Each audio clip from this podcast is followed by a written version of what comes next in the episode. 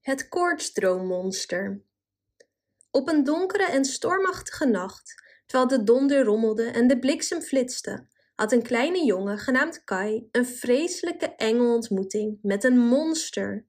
Hij was diep in slaap in zijn bed toen hij plotseling wakker werd en het wezen boven hem uittorende. Kai's hart ging tekeer toen hij probeerde weg te komen van het monster.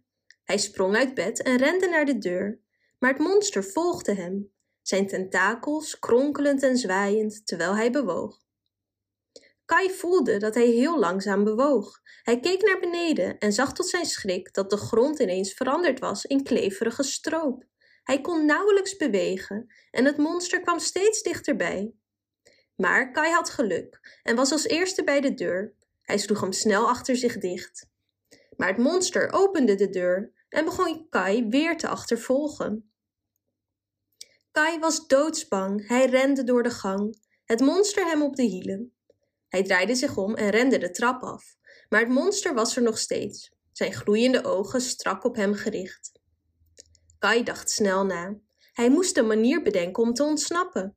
Hij rende naar de keuken en pakte een koekenpan en zwaaide ermee naar het monster zo hard als hij kon. Maar het monster lachte alleen maar en kwam steeds dichterbij.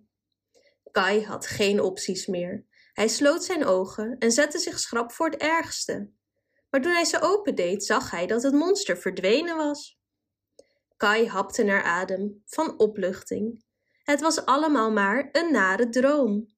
Hij had de afgelopen dagen griep gehad en de koorts had hem een angstaanjagende nachtmerrie bezorgd. Het was zo levendig en onaangenaam dat hij dacht dat het echt was.